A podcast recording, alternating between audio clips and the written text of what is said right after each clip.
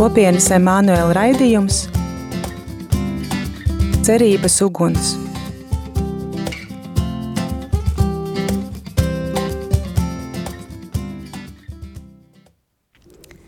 Labvakar, dārgo radio Marija klausītāji! Mēs atkal tiekamies raidījumā Cerības uguns. Un ar jums kopā esmu es, Baiva. Es Raimonds, labvakar! Iepriekšējā raidījumā mēs dzirdējām par piedzīvoto pasaules jauniešu dienās Lisabonā. Iedvesmojošas liecības par šo lielo pasākumu. Šī būs tā reize, kad mēs vairāk iepazīsimies ar kopienu Emanuelu un tās veidošanos, liecināsim par to, kā mēs atradām kopienu, šo aicinājumu būt kopienā un kā mēs to dzīvojam. Ik pa laikam kāds mums jautā, kas tad ir kopiena Emanuela? Kur jūs esat, ko jūs darāt? Tad šodien mēs vēlamies nedaudz par to pastāstīt. Runājot par kopienu, ir eh, noteikti jārunā par tās dibinātāju Pieru Gursā. Savukārt, runājot par Pieru, ir jārunā par kopienu, jo visa viņa dzīve bija sagatavošanās šim lielajam uzdevumam - izveidot kopienu Emanuelu. Kas viņš bija? Kāds viņš bija? Ievadā Eh, mazliet no grāmatas Cerības uguns. Stāstīt par Pieru Gursā nozīmē vienlaikus stāstīt par kopienas Emanuela vēsturi. Tā ir viena no visnozīmīgākajām jaunajām kopienām, kas radusies saistībā ar harizmātisko atjaunotni. Ir jāsargā karaļa noslēpums, bet ir jāpauž un jāsludina dieva darbi Tā erceņģelis Rafēls mudināja Tobiju. Kaut ko līdzīgu var sacīt par Pjēru Gursā. Pazemīgais kopienas dibinātājs darīja visu, lai viņa dzīve paliktu nemanāma. Patiesībā Pjērs Gursā, kopienas Emanuela dibinātājs, aizvien bija cilvēks, par kuru citi zināja ļoti maz – Reti kādas kustības dibinātāja loma ir bijusi tik nemanāma. Nevar noliegt, ka viņš drīzāk centās sevi apslēpt, nekā kļūt pazīstams. Piers vēlējās būt vismazākais, lai nekāds gods par notiekošo netiktu piedēvēts viņam pašam. Par sevi viņš stāstīja maz, un pat no tiem cilvēkiem, kas dzīvoja Pjēram vistuvāk, daži par viņa dzīvi nezināja gandrīz pilnīgi neko. Pjērs aizvien mēdz atkāpties maliņā, un bija nepieciešama liela uzmanība, lai viņu saprastu. Starp citu, šo viņa paša izvēlēto atturību, kas piemīt arī kopienas līdzdibinātājai Martinai Katā, pārējie ļoti respektēja. Un tomēr Pieram Gursā ir liela nozīme mūsu laikmeta reliģijas vēsturē. Piers pazina un palīdzēja neskaitāmiem cilvēkiem, nereti viņu dzīvi pavēršot pilnīgi jaunā virzienā. Ar viņa palīdzību daudzi ir sapratuši savu aicinājumu, lai kāds tas būtu. Kopiena Emanuela ir izplatījusies visā pasaulē. 16 gadus pēc šīs kopienas rašanās Svētais Krēsls to atzina par laju apvienību. Pjēram ir paliekoša vieta katoļu harizmātiskajā atjaunotnē, un viņš ir arī viens no tiem, kas veicināja to, lai Jēzus sirds žēlsirdības kults no jauna atmirdzētu gan par lemonjālā, gan visā pasaulē. Kā tad viss sākās? Ar 1964. gadu harizmātiskā atjaunotne sāka ienākt arī katoliskajā baznīcā. Un 1972. gadā atjaunotnes kustība sāka uzplaukt dažādās vietās Francijā. Visi, kas to piedzīvoja, juta, ka dzimst kaut kas brīnišķīgs. Jēzus Dieva dēls kļuva cilvēks, lai atjaunotu mūsu draudzību ar Dievu un paļāvību uz Viņu. Jēzus saviem apstuļiem, vistuvākajiem, paša izvēlētajiem mācekļiem un lieciniekiem apsolīja, ka neatstās viņus kā bāreņus un sūtīs tiem svēto garu. Kopienas Emanuela aizsākumi ir meklējumi 1972. gadā. Tur kādā nedēļas nogalē, kurā daži brāļi un māsas dalījās par harizmātiskās atjaunotnes kustību, jaunā medicīnas studente Martina Katā un kinokritiķis Piers Gursā piedzīvoja svētā gara izliešanās žēlastību. Pēc šīs spēcīgās tikšanās abi viens otru ļoti izjuta kā brāli un māsu. Viņi vēlējās to dzīvot tālāk. Viņi regulāri tikās, lai kopā slavētu un lūgtu svēto garu. Un abiem sākās jauna garīgā dzīve. Kopiena Emanuēla izauga no lūkšanu grupas, ko vadīja Pjērs un Martīna. Lai gan tā netika popularizēta, tai dažu mēnešu laikā pievienojās simtiem cilvēku. Kādam lūkšanu grupas dalībniekiem, dalībniekam Pjērs reiz bija teicis: Iedomājies, es sapratu, ka svētais gars ir dzīva persona – Viņš ir klātesošs, prieka pilns, manī un ar mani. Būtībā tas ir tik vienkārši. Ir jāļaujas kunga mīlestības ugunī, un ar šo uguni tikai uz priekšu. Un laikam ejot, kad lūkšanu grupas lielā dalībnieku skaita dēļ tā bija jāsadala, būtisks kļuva jautājums par gara kopību un vienotības saglabāšanu starp grupām bija skaidrs, ka ir nepieciešams kopīgs nosaukums, un kopīgi tika pieņemts lēmums, ka par to ir jālūdzas. Un tā kā vairāki brāļi un māsas savā lūkšanā saņēma atbildi no Dieva, ka šo grupu nosaukums būs Emanuēl. Pieru pašu ļoti aizkustināja vārdi no Mateja evaņģēlija un viņu nosauks vārdā Emanuēls, kas tulkojumā nozīmē Dievs ar mums. Viņš sacīja: Emanuēls, tas ir Dievs, kurš vienmēr ir ar mums, Dievs, kurš ar mums kopā cīnās un kurš mūs šajā cīņā apsteidz. Jēzus sirds godināšanai kopienā Emanuela ir īpaša loma. Um, Parlemoniāla ir vieta, kur 17. gadsimtā Kristus atklāja savu mīlestību, parādot savu sirdi kādai apmeklēšanas kongregācijas māsai, Svētajai Margaritai, Marijai Alakokai. Varbūt daudzi klausītāji zina, ka nesen Latvijā bija Svētās Margaritas Marijas Alakokas relikvijas – ko mums atveda Alīsija un Priesteris Eduards.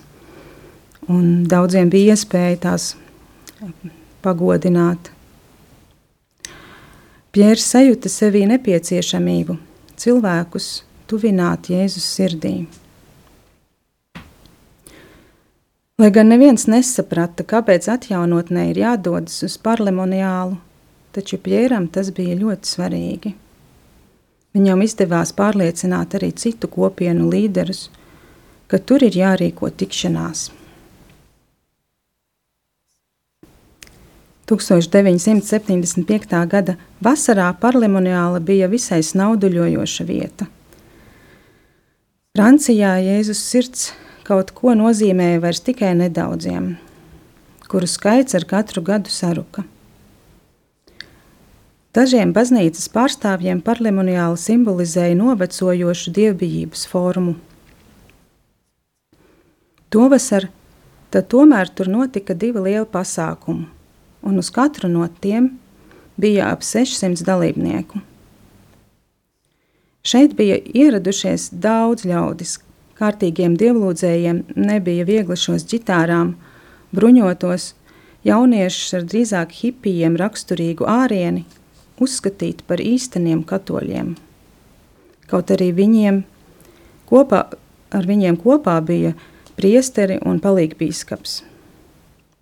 Atgriešanās, dziedāšana, dziedāšanas prieks, tas viss sēla un plauka, gūstot spēku adorācijā un grēksūdzē, evaharistijā un kopīgās lūkšanās.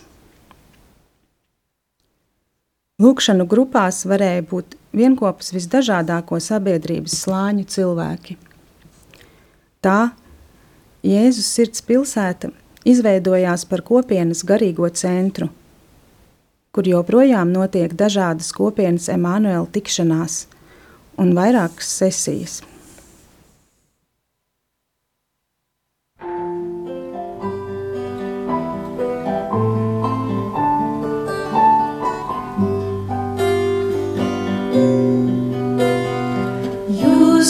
Mums dāvā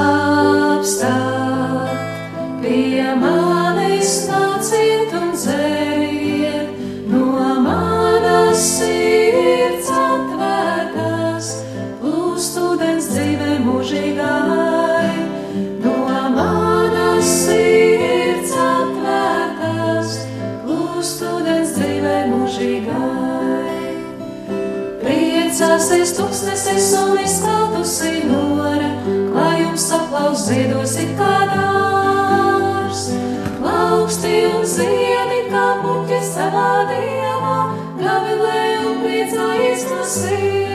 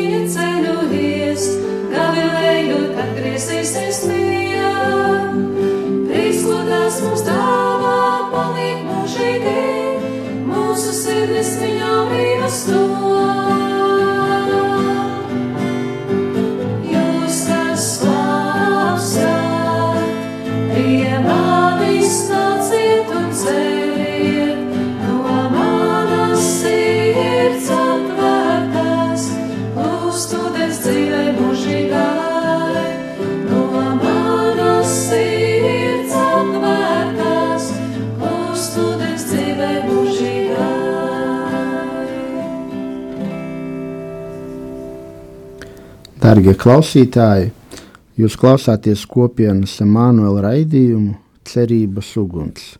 Un šajā reizē mēs runājam par to, kas tad ir kopiena Emanuela un kā mēs šo kopienas garīgumu izdzīvojam savā ikdienā. Runājot par kopienas izcelsmi, mēs nevaram nerunāt par aicinājumu dažādību kopienā. Līdzīgi kā Pāvils vienā no savām vēstulēm raksta, ka dažādas ir kalpošanas, bet ir viens tas pats kungs, dažādas ir dāvanas, bet ir viens tas pats gars. Līdzīgi tas notiek kopienas ikdienā, kur ir pārstāvēti visi dzīves stāvokļi. Mēs esam gan jaunieši, gan precēti, gan neprecēti vienopus, gan ģimenes ar bērniem, gan konsekrētie brāļi un māsas, gan priesteri, un visi kopā mēs dzīvojam šādā vienotā dažādībā, papildinot viens otru un bagātinot viens otru caur šiem saviem dažādajiem dzīves stāvokļiem, lai visi kopā ietu kopīgi vienu svētuma ceļu. Un runājot par šo aicinājumu dažādību, mēs nevaram arī nepieminēt mūsu mātes, kas ir Emanuela māte, Marijas lomu kopienā. Un mums, mūsu ikdienā, Marija, kā kunga māte, ir arī māte mums un paraugs mūsu aicinājumam. Viņa ir tā, kas ikdienā mūs māca būt kopā ar kungu, ar šo Dievu, kurš ir ar mums. Uh, pirms dažiem mirkļiem mēs dzirdējām par to, ka kopienas pirmsākumi ir uh, meklējami Francijā, uh, taču Francija nav vienīgais kopienas centrs, un mums šeit Latvijā esošajiem ir labi pazīstama arī Dievmātes svētvieta Altotingā, kur arī laika gaitā ir izveidojies nozīmīgs kopienas garīguma centrs. Jāpiemina arī tas, ka tieši Altotingā atrodas viena no vairākām evanģelizācijas skolām, jeb evanģelizācijas akadēmijām, kuras, kurās satiekas jaunieši, lai pavadītu laiku kopā ar Dievu un mācītos liecināt par kungu Autotingā arī uh, notiek katru gadu jauniešu lieldienu svinības. Katru vasaru notiek dažādi vasaras fórumi gan jauniešiem, gan pusauģiem, gan ģimenēm ar bērniem. Un tas viss mūs stiprina šajā mūsu ikdienas kalpošanā kungam. Jā, par mūsu ikdienas dzīvi runājot, kā tad, kā tad mēs dzīvojam un kā tas ir. Kā tas ir būt uh, kopienas, uh, būt kopienā. Un, un mēs esam aicināti ikdienā atvēlēt laiku slavēšanai, klusai lūkšanai, ja iespējams visvētākā sakramenta klātbūtnē. Tāpat arī katrs savu iespēju robežās izdzīvo mīlestību uz evaharistiju, apmeklējot svēto misiju ik nedēļas vai katru otro nedēļu, kā nu kuru reizi mums sanāk, um, mēs tiekamies uz mājas kopienu. Un uh, mājas kopienā mēs kopīgi slavējam, un mēs kop, mājas kopienu vienmēr sākam ar priecīgu slavēšanu Un šeit man gribētos uh, uzsvērt, ka tas nav tāds tikai emocionāls stāvoklis, kā kādā, kad, es, kad es gribu, kad man pārņem prieks, tad es slavēju, ka tā ir tiešām tāda, tāda izvēle, kā es izvēlos, es izvēlos šodien, es izvēlos slavēt un pateikties Dievam par to, par to, ka Viņš man ir radījis, par to, ka Viņš man ir radījis, lai es viņu slavētu un viņam pateiktos. Un arī, kas priekš manis tā ļoti skaisti liekas, ko es esmu mācījusies kopienā, kā, ka šīs slavēšanas ir ļoti pieejamas tieši caur šo vienkāršību, neatkarīgi no tā, vai man blakus ir brāļi un māsas ar kādu mūzikas instrumentu, un, vai arī kas īpaši skaisti dzied, mēs vienkārši satiekamies un kopā slavējam tādi, kā esam, tādi kādi esam un, un tā kā protam. Pēc tam mums ir dalīšanās, kuras laikā mēs viens ar otru dalāmies tajā, kā Dievs ir runājis uz mani caur savu vārdu. Vēl dalīšanās laikā mēs esam aicināti pastāstīt par savām iespējām liecināt un evanģelizēt ikdienas dzīvē. Savā darba vietā, augstskolā, ģimenē, draugu lokā.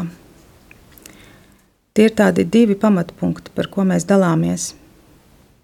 Tāpat arī mājas kopiena ir reize, kad mēs varam aizlūgt viens par otru un lūgt svēto garu atjaunot spēkus brālim vai māsai un lūgt svētā gara dāvanas. Kopīgi mēs lūdzam arī par tiem, kurus nesam savā sirdīs, kuriem ir kādas grūtības, kuri cieš, kuri Dievu vēl nepazīst. Šīs visas vajadzības mēs uzticam brāļu un māsu lūgšanām. Un, ja mēs tiekamies klātienē, tad noslēgumā ir agape un sadraudzība. Kas ir svarīgi, ka mājas kopienai ir jābūt pēc iespējas vienkāršāk organizētai, lai to būtu iespējams dzīvot, izdzīvot pēc iespējas biežāk. Un arī tādi mani novērojumi laika gaitā ir, jo konkrētāks formāts, jo vieglāk ir būt uzticīgiem. Jo vieglāk ir ieplānot laiku mājas kopienai un tiešām biežāk tikties, lai kopā slavētu un dalītie, dalītos. Jā, kas, kas tāds arī ļoti svarīgi ir vienmēr iekļauties tādā konkrētā laika rāmī, lai, tad, lai tajā ikdienas dzīvē, kas tāpat jau ir ļoti pilna ar dažādiem pienākumiem un notikumiem, lai, lai, lai mājas kopienai arī būtu vieta. Reizi mēnesī mēs tiekamies uz vienu kopienas dienu, kas parasti ir sestdiena, retāk svētdiena, vai uz kopienas nedēļas nogali.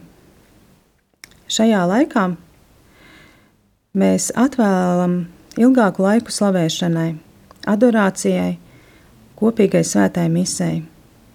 Klausāmies kādu garīgu impulsu vai lekciju, kuru sagatavo kāds brālis vai māsa no mūsu vidus.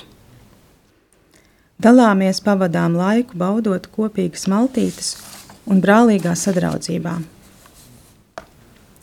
Kopienas dienas un kopienas nedēļas nogales visbiežāk ir atvērtas, un jebkurš interesants tām var pievienoties. Dažkārt mēs tās apvienojam, vai tajās iekļaujam kādu evanģelizācijas pasākumu vai kalpošanu. Tad daļa nedēļas nogales ir šī misija, un otra daļa mums pašiem. Um, mūsu kopienā nav tādu solījumu nav, kā varbūt tas ir pierasts dažādās kongregācijās un, un ordeņos, ka saliek solījums uz, kā, un, uz kādu konkrētu laiku. Mums Pjērs ļoti vēlējās, lai mēs šo ceļu ejam tādā brīvībā. Tāpēc mēs uh, angažējam sevi uz vienu gadu parasti, un ir iespēja katru gadu šo angažmentu atjaunot. Tātad šīs saistības ar kopienu, savu gatavību uh, kalpot. Kopiena, kopienas, kopiena Latvijā ir kopš 1999. gada, un mēs esam kalpojuši caur žēlsirdības vakariem dažādās draudzēs, bijuši dažādās draugu misijās, organizējuši svētā gara seminārus Rīgā un Siguldā, klusuma rekolekcijas lekciju divīna, devušies ar jauniešiem uz pasaules jauniešu dienām Romā, Ķelnē, Madridē, Lisabonā. Desmit gadu garumā organizējām svētceļojumus uz Altatingu lieldienās. Un par ko arī ir tāds liels prieks, ka Latvijas baznīca, baznīcā ir ļoti iemīļota kopienas Emanuela mūzika, kas ir, ko var diezgan bieži dzirdēt. Jā, sākotnēji kopienā Emanuēlā Latvijā bija tikai jaunieši, un jāsaka, ļoti jauni jaunieši. Taču ar laiku, mainoties mums pašiem, mainās arī mūsu kalpošanas un misiju iespējas, kas ļoti atšķiras no tā, kādas tās ir jauniešiem un kādas tās ir strādājošiem vecākiem ar bērniem. Tomēr uzticība Dievam un aicinājumam brālīga dzīve ir būtiskāka par visām aktivitātēm, ko varētu veikt. Atceroties savu, savu ceļa pirmsākumu kopienā Manuēlā, pirmkārt jau man nāk prātā mana bērnība, jo es pats uzaugu tādā tipiskā latgaliešu katoļu ģimenē, kur bija arī ļoti jau kopš pašas bērnības patiesībā bija ļoti tāda dinamiska un dzīva, aktīva draudzes dzīve, taču par spīti tam visam man pašam nonākot tādos jau jaunekļa gados, joprojām pietrūka tādas ģimeniskas un brālīgas dalīšanās ikdienā par savu ticību, uh, par to, kas notiek starp mani un Dievu manu lūgšanu laikā. Un tā nu 2000. gadā man radās iespēja kopā ar kopienu Manuelu doties uz pasaules jauniešu dienām Romā.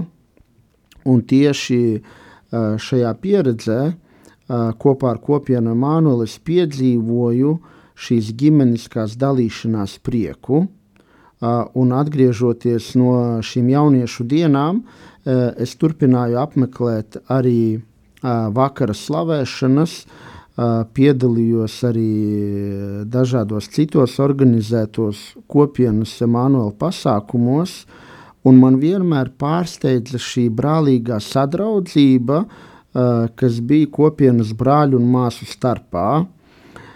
Un es atceros, ka man ļoti patika gan slavēšanas, gan šīs dalīšanās, kas bija ka katra pasākuma ietvaros. Un tad kaut kur dziļi sirdī manī bija tāds jautājums pašam sev, ka varbūt šis ir ceļš arī priekš manis. Un tad es atceros uh, vienu uh, decembra nedēļas nogali 2001. gadā, uh, kad uh, kopienas eh, brāļi un māsas, daži no viņiem, kas bija klātesoši tajā nedēļas nogalē, eh, vienā vakarā vienkārši mani paaicināja maliņā un eh, ļoti tieši uzrunāja, vai es nevēlos kļūt par vienu no kopienas locekļiem. Un, domājot par šo, man nāk prātā vārdi no Samuela grāmatas, kur Dievs pats uh, Samuelu sauc vārdā, sapnī, sakot, Samuēlu, Samuēlu. Un līdzīgi tas asociējās man šobrīd ar šo pašam savu ceļu kopienā, ka tieši caur brāļiem un māsām Dievs pats mani uzrunāja vārdā, lai es atsauktos šai dzīvei kopā ar viņu, tieši kopienā Emanuelu un tās garīgumā. Un ir interesanti priekš manis paša, ka uh, kopienas tāds garīguma vadmotīvs ir uh, būt pasaulē un nebūt no pasaules. Un ko tas nozīmē man pašam? Proti, ka Dievs ir kopā ar mani manā ikdienā, manā ģimenē, manā darbā, manā atpūtā un arī manās attiecībās ar viņu pašu Proti, Dievs ir tas, kurš caurvīja visu manu ikdienu, bet es esmu tas, kurš ar savu dzīvesveidu, ar savu attieksmi pret lietām liecinu par viņa klātbūtni šajā pasaulē.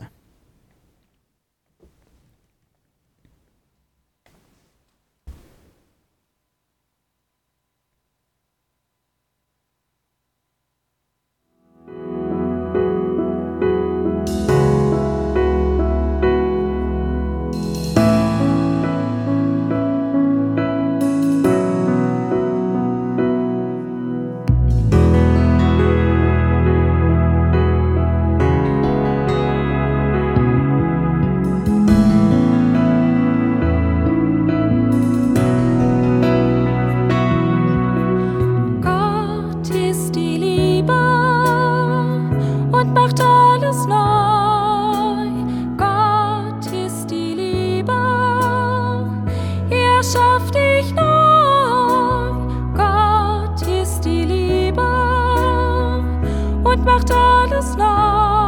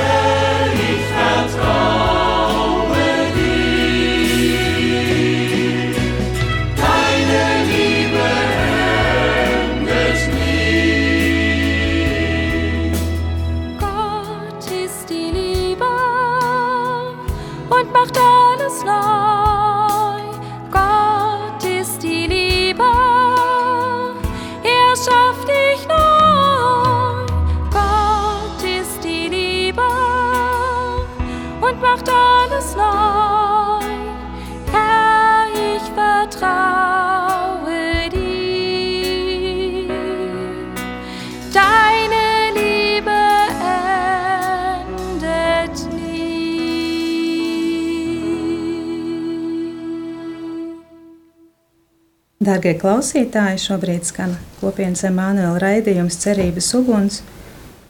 Un šajā raidījumā mēs stāstam par kopienas Emanuela dzimšanu, veidošanos un kā mēs izdzīvojam kopienas žēlastības.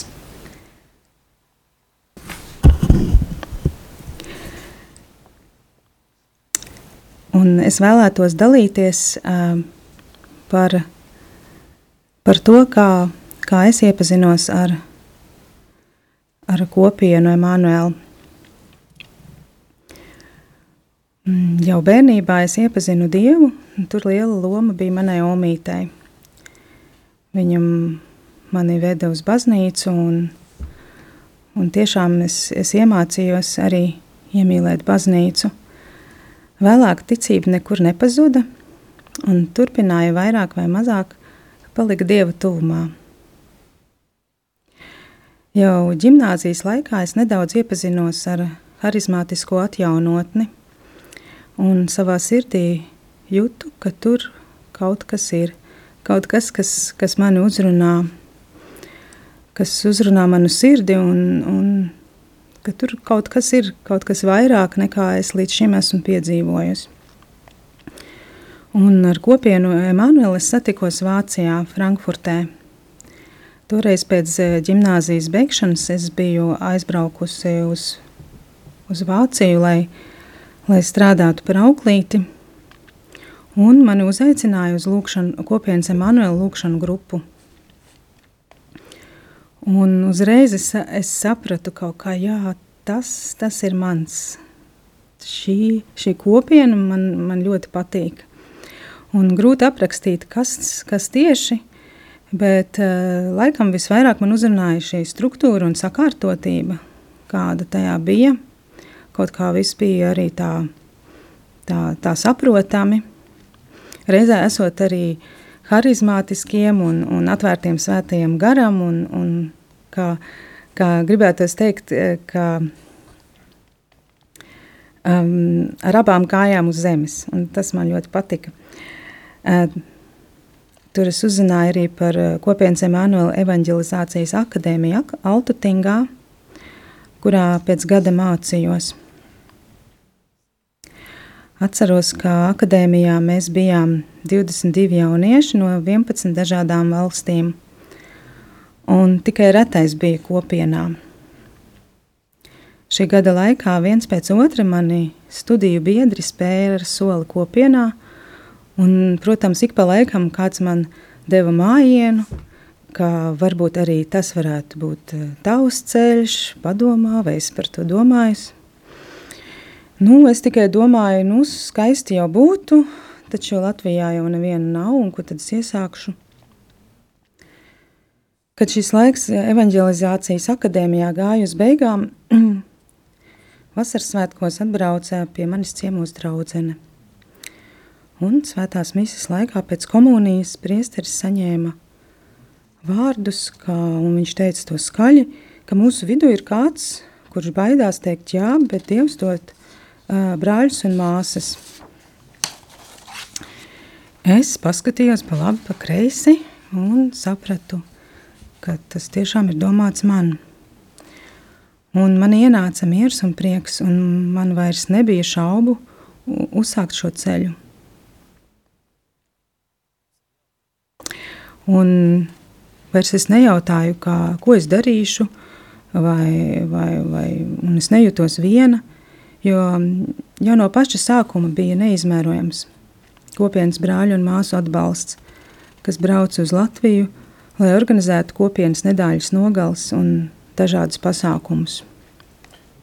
Joprojām arī šodien kopienas ikdienā šeit Latvijā mēs uh, ik pa brīdim paši sev uzdodam to jautājumu, uh, kas tad ir tā kalpošana, tā misija, ko Dievs no mums sagaida. Jo pirms brīža mēs runājām par to, ka evanģelizācija ir neatņemama kopienas garīguma sastāvdaļa.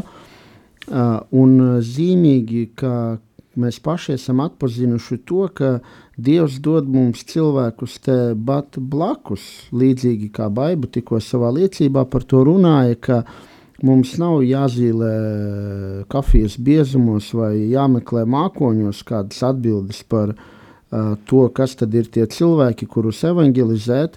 Un, uh, ir zīmīgi, ka esam atpazinuši šobrīd to, ka mūsu kalpošana notiek tieši caur šīm kopienas atvērtajām dienām un atvērtajām nedēļas nogalēm, un tiešā veidā tiem cilvēkiem, kas par mums izrāda interesi, Un vēl pirms kāda brīža mēs uh, paši savā starpā spriedām, ka varbūt var viena no mērķa grupām, uh, kuru būtu jāevangelizē, ir jaunieši. Uh, taču paši bijām zināmā veidā pārsteigti par to, ka pēkšņi ieraudzījām, ka šobrīd ap mums pulcējās ģimenes ar bērniem, un ka mēs to pat neesam īsti pamanījuši. Un, vēl pavisam nesen, tagad decembra nedēļas nogalē, mēs piedzīvojam tādu uh, garīgu atskārsmi un izšķiršanos, ka ir svarīgi kalpot tiem cilvēkiem, kas tev tiek dāvināti. Un šobrīd jā, mūsu kalpošana vairāk tiek vērsta uz ģimenēm ar bērniem, jo esam ieraudzījuši arī, ka šodien baznīcā ir diezgan maz piedāvājuma uh, kur var ierasties vecāki kopā ar bērniem, un kur būtu gan saturīga, eh, garīgi audzinoša programma bērniem un pusauģiem, kas aug ģimenēs, kā arī tajā laikā būtu iespēja pašiem vecākiem uh, tikties ar uh, līdzīgiem ticības brāļiem un māsām un uh, gan izglītoties, gan dalīties par žēlastībām, ko Dievs dara viņu dzīvēs. Un, tāpēc tas ir arī tāds iedrošinājums šeit studijā, esot, ka uh, droši tie, ku, tie vecāki ar bērniem, kuri uh, vēlaties savā ikdienā turpināt intensīvi dzīvot garīgo dzīvi un arī palīdzēt uh, saviem bērniem pieaugt attiecībās ar Dievu, tad droši drīkstat meklēt atbalstu arī pie kopienas Emanuela. Jā, mm, tas tiešām ir ļoti skaisti un kā, kā, kā Dievs vada. Un no tādas nu, tādas ļoti jaunas, dinamiskas kopienas pirms daudziem gadiem, kā, kā tiešām kā Dievs vada un parāda tos, tos jaunos ceļus, un, un reizēm tas liek pārkāpt pašiem sev pāri, kaut kā arī, kā varbūt reizēm es fokusējos uz kaut ko, kādai, kādai jābūt manai kalpošanai, kādai jābūt tai evanģelizācijai, bet patiesībā jā, ka tas ir uh, ka tas ir tepat blakus. Un, un arī es bieži vien savā ikdienā domāju, vai arī es vakarā domāju, nu, kur, kur es šodien evanģelizēju, kur bija mana iespēja. Un, un tiešām arī, ka mūsu, ka manā ikdienā ir iespēja manā darba vietā, jā, tas ir bieži vien caur tādu ļoti vienkāršu attieksmi pret lietām, caur tādu arī reakciju uz, uz, uz, uz dažādām lietām. Un, un, un tiešām šī mana attieksme ir, viņa ir kristīga, viņa ir cerību dodoša, viņa ir mieru nesoša. Un tiešām tas ir tas, tas kas man, pie kā man katru dienu ir jāpiedomā un kas ir ļoti svarīgi. Um, Dārgo klausītāji, eh, mēs pamazām tuvojamies raidījuma izskaņai. Um, tātad, ja tevi uzrunāja šajā raidījumā dzirdētais un vēlies uzzināt vēl vairāk par kopienas aizraujošo vēsturi, tad aicinām izlasīt izdevniecības gala rakstis doto grāmatu Cerības uguns. Un es esmu dzirdējusi arī no tiem, kas to ir lasījuši, ka tā ir ļoti viegli lasāma. Un, un tiešām arī tagad, gatavojot šo raidījumu, vēlreiz tajā ieskatoties, tas bija ļoti atsvaidzinoši. Šī grāmata latviešu valodā tika izdota 2007. gadā. Jā, un uz tās atvēršanas svētkiem bija atbraucis viens no grāmatas autoriem, R.V. Marija Katā, kas ir kopienas līdzdibinātājs Martina Katā, laulātais draugs. Un grāmatu iespējams, ka grāmatu galdos vairs nevar iegādāties, bet jūs varat viņu saņemt. Mums vēl dažas ir. Varat rakstīt mums mūsu kopienas Emanuela Facebook lapā. Mūsu, mūsu var atrast Facebookā, Un arī tur jūs atradīsiet uh, informāciju par tikšanās reizēm. Tad, ja ir vēlēšanās ar mums iepazīties tuvāk vai piedalīties kādā kopienas nedēļas nogalē vai kādā kopienas dienā, tad, tad droši rakstiet. Savukārt mūsu nākamais raidījums šeit, radio studijā, būs jau jaunajā kalendārajā 2024. gadā, mēneša 3. trešdienā, 17. janvārī, kā ierasts, pulkstenis 20.00. Un šo jaunu nākamo raidījumu mēs veltīsim priecīgai slavēšanai ēterā, kurai aicinām pievienoties arī tevi, dārgais radio klausītāji kopā slavēsim un pateiksimies par kunga dāvāto jauno gadu un par visām tām žēlastībām, kuras viņš mums dod un dos arī turpmāk. Un, protams, mēs atgādinām tev, ka arī šis raidījums izskan pateicoties tavam ziedojumam Radio Marija Latvija.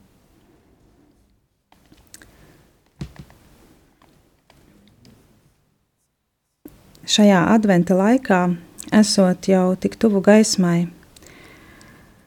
Veltīsim sevi un visu, ko nesam savā sirdīs Marijai. Totus tūs, viss tavs, Marija. Žēlastības pilnā, kungs ir ar tevi. Lūdz par mums. Es šodien izvēlos tevi, Marija, visa debesu galma klātbūtnē, par manu māti un karalieni. Es uzticu un veltu tev pilnīgā padevībā un mīlestībā, manu miesu un dvēseli, visu labo, kas manī un ap mani, un visu, ko vērti mani labie darbi, vakar, šodien un rīt, dodot tev pilnīgas un visaptverošas tiesības, izmantot mani un visu, kas man pieder, bez izņēmuma, kā vien tev patīk, Dieva lielākam godam laikā un mūžībā. Āmen!